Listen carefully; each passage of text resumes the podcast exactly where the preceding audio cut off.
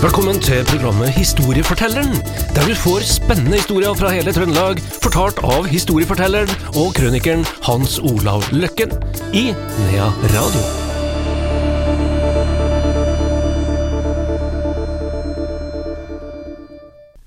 Historiefortelleren tilbake her i Nea Radio. Det skal handle om ja, hva skal jeg si, Hans Olav Løkken, velkommen forresten. Jo, takk. Skal, det skal handle om sjutallet. Det skal handle om sjutallet, spesielt. Sju, sju eller syv? Syv. Eller, ja. Ja, det er noen som får lov til å si syv, ja. men så sier de ikke 20, de sier 20. ja. Men det skulle vært 20, da, Først 20 og sy- 27 hører sammen, men de blander litt, da. Ja. Her. Men det er det. Sånn er det. Det har de med hvordan jeg vokste opp, det der, da. Men sjutallet, da, som jeg sier, da, det er ganske magisk. Det er hellig, mystikk, eh, og vi lar oss undre i sju underverk. Eh, innen hekseri og spådom, sjutallet for visdom. Sjutallet tyder jo på at en syklus går mot slutten, i mange tilfeller.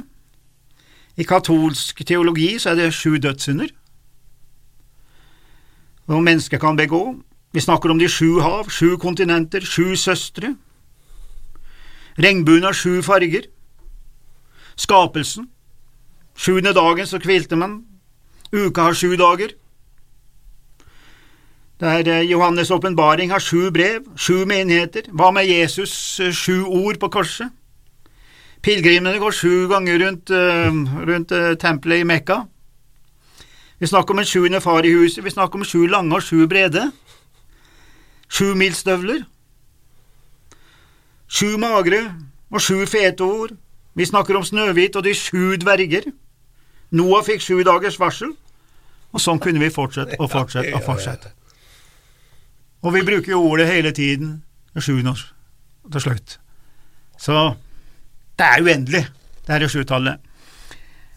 Og vi skal møte det her med ei eh, fantkjerring.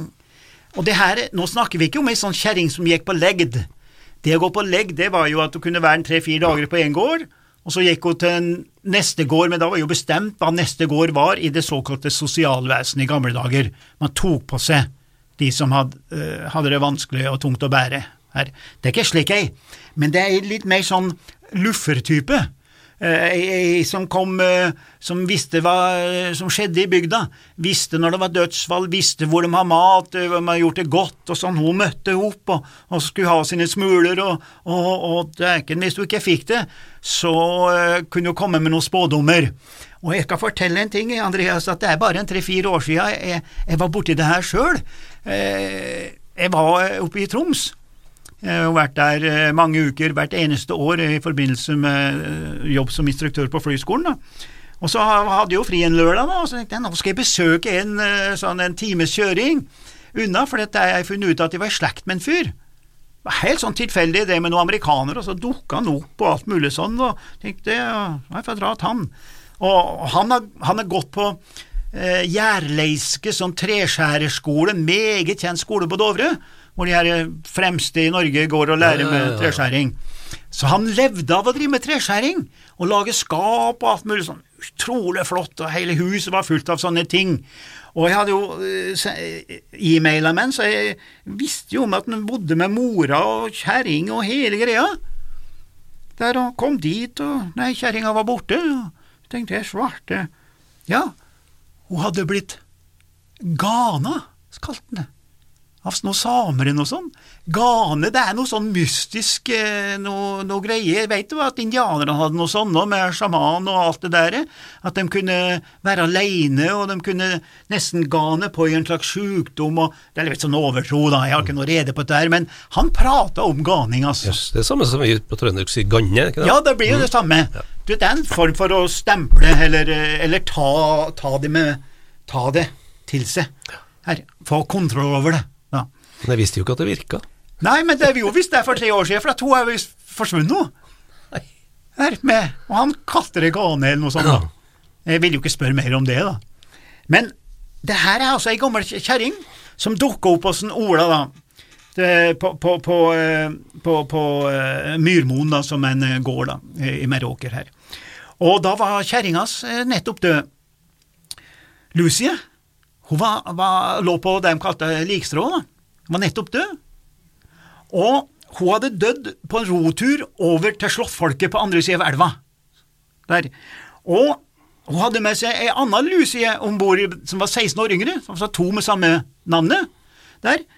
Og de drukner. Båten går rundt, og de drukner, så hun ligger på likstrå, og så kommer den herre her, kjerringa, da, fantkjerringa som var benevner henne, og han var ikke i humør til å verken gjøre det ene eller andre, han Ola, så han lukker mer eller mindre grinda for henne. Så det knirka i grinda på, med én lyd, og det knirka i beinrangla, og to som var sultne, og alt mulig sånn, og de krangla og sto i, og han ville ikke slippe henne inn. Og da ga han av, eller da kom hun med en sånn spådom, at du skal bare passe deg, du, Ola, for hun som ligger på likstrå her inne, kjerringa di, hun er den første av i alt sju som skal lide akkurat den samme død. Drukningsdøden. Drukningsdød. Og ingen som brydde seg om det hun kom med da, men hun skulle få så rett, så rett. For barnebarnet, da, det år, hun het også Lucie, det er ikke noe originalt, ikke sant, at barnebarn får samme navn. Hun holder da til inne på Nøstmo gård, som er den nest innerste gården i Færsdalen i, i Meråker. Hun skulle også med mat og slåttfolk, som drev da på Myr, Myrslott. Hun har vært der oppe, var på vei tilbake, og kom til det som de kaller Kvennfossen, som er en liten sånn foss i den der elva nedover, da. Der satte hun seg med strikketøyet ute på kanten, og der tok hun det vi kaller en sommerkauk, som ikke jeg har noe rede på, men jeg måtte jo lese meg opp på det her, for det sto at hun tok en sommerkauk, og det betyr at hun, hun synger en hilsen, så hun sang en hilsen over fossen høyt, for at slåttfolket som var på andre siden, skulle høre henne, og de vinka hun her. Og han Per Sulamo han hadde skrevet om dette her med forskjellen på en sommerkauk og en kulokk. Det var at sommerkauken var litt mer avansert, en kulokk måtte være enklere, slik at kyn kjente igjen skriven, da. Men det var noe de brukte i gamle dager når de hilsa, da, som jeg, jeg må innrømme jeg ikke har hørt om det, altså. Her. Så hun da tatt en sommerkauk, så satt seg, og så har hun begynt å, å, å, å strikke, og hørte ikke alt rundt seg på grunn av fossen, og så kommer det ei ku. Og hjemme så kalte vi det mannondku, eller folkevondku. Det finnes i alle besetninger. Ei eller annen ku som plutselig er litt sånn ja, Som har stanga faktisk talt i hæl folk. Det kjenner vi til til og med i våre egne, egne tider her. Så ei sånn mannevond ku kommer bakfra og puffer utfor fossen. Og drukner. Hm. Og herre, med samme navnet Lucy. Hun hadde da en bror, og herre, som het Lars, som hadde overtatt en annen gård på Åmo. Og mandag 18. desember, da, nå er vi i 1854, så skulle han eh, og et par kamerater ned i bygda på handel. Og dette er altså vante fjellfolk. De bor altså så langt ute i periferien i verden som det går an. Det helt isolert inne i Færsdalen. De hadde levd av naturen, de kjente alle trikk i naturen, de visste hvordan de skulle overleve fra dag til dag, og så gjør han en utrolig bommert, han her er Lars. De går bortover en is som er sånn bob-bob, ikke sant, men de kjente hver bukt, de visste hvor var, isen var svak, de visste hvor det var farlig, etc.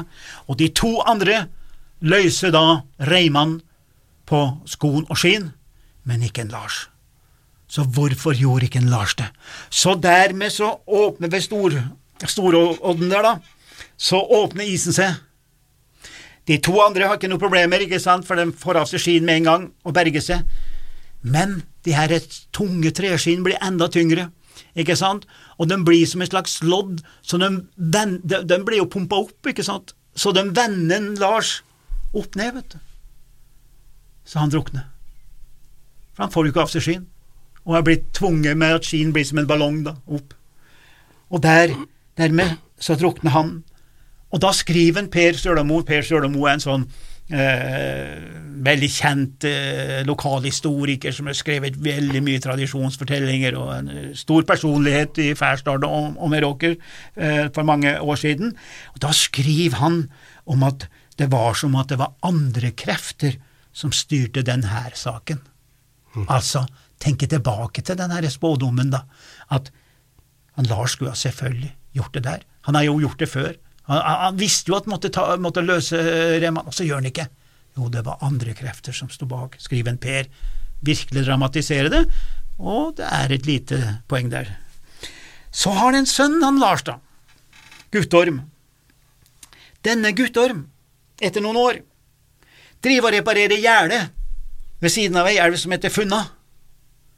Og han finner hun bare drukna i fossen, altså bare noen få meter unna der han reparerte gjerdet, og de vet at han antagelig hadde bare sklidd uti fossen og drukna.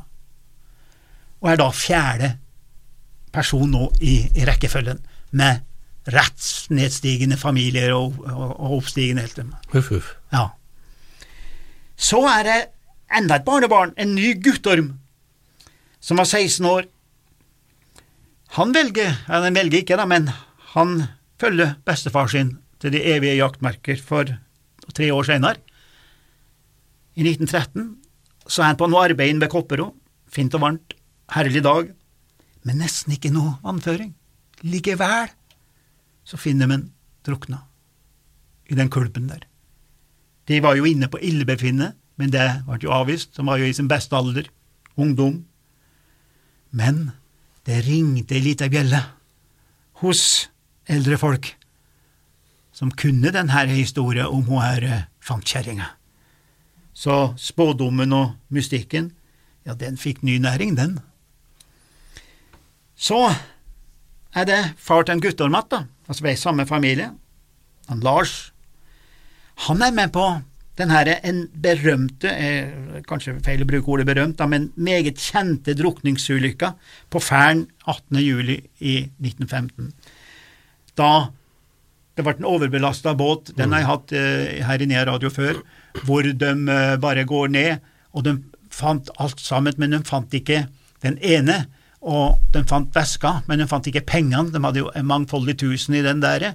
Og de fant alle luer, men ikke ei lue, så de la sammen den ene teorien etter den andre om han som dro til Amerika, da, ikke, så, ikke sant?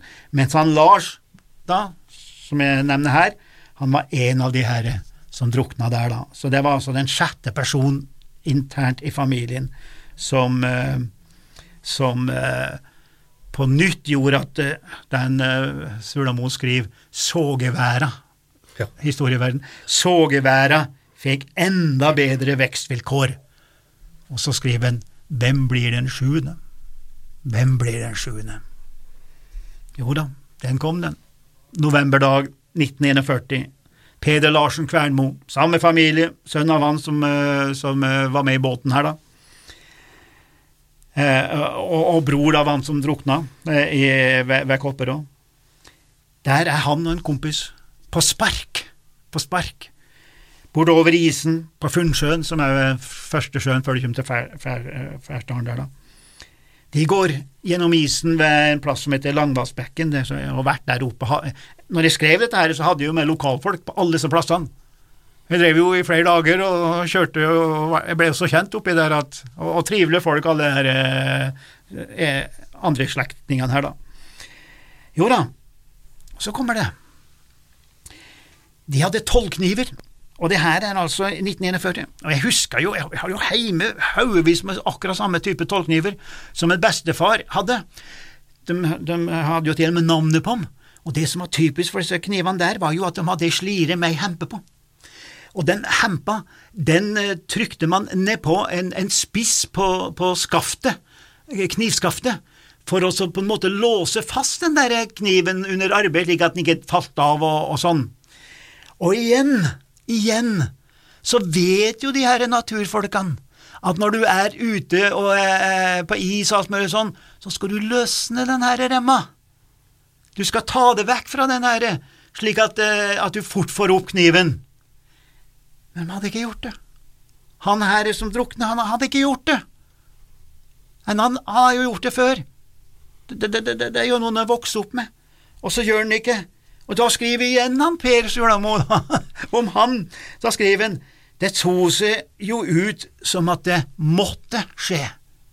Igjen så hadde han i bakhodet her er den sjuende i familien.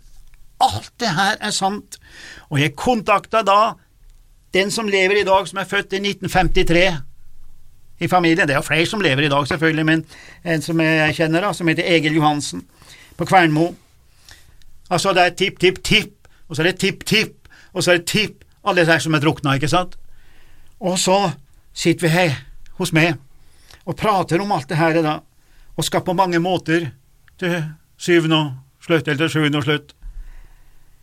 Så skal vi lukke kapitlet, og vi skal lukke det med han herre Peter, som er den siste som drukner, da. Og han Peter ble altså den som ble alene med navnet sitt. Han bryter nå hele den herre mønsteret, for de to første var Lucie, så var det to Lars, og så kom det to Guttorm, og så bryter Peder og stanser denne spådommen en gang for alle. Han het Peder som stanset, men vi vet ikke hva fantkjerringa het. Takk skal du ha. Det var litt av en historie. Hans Olav Løkken er vår historieforteller.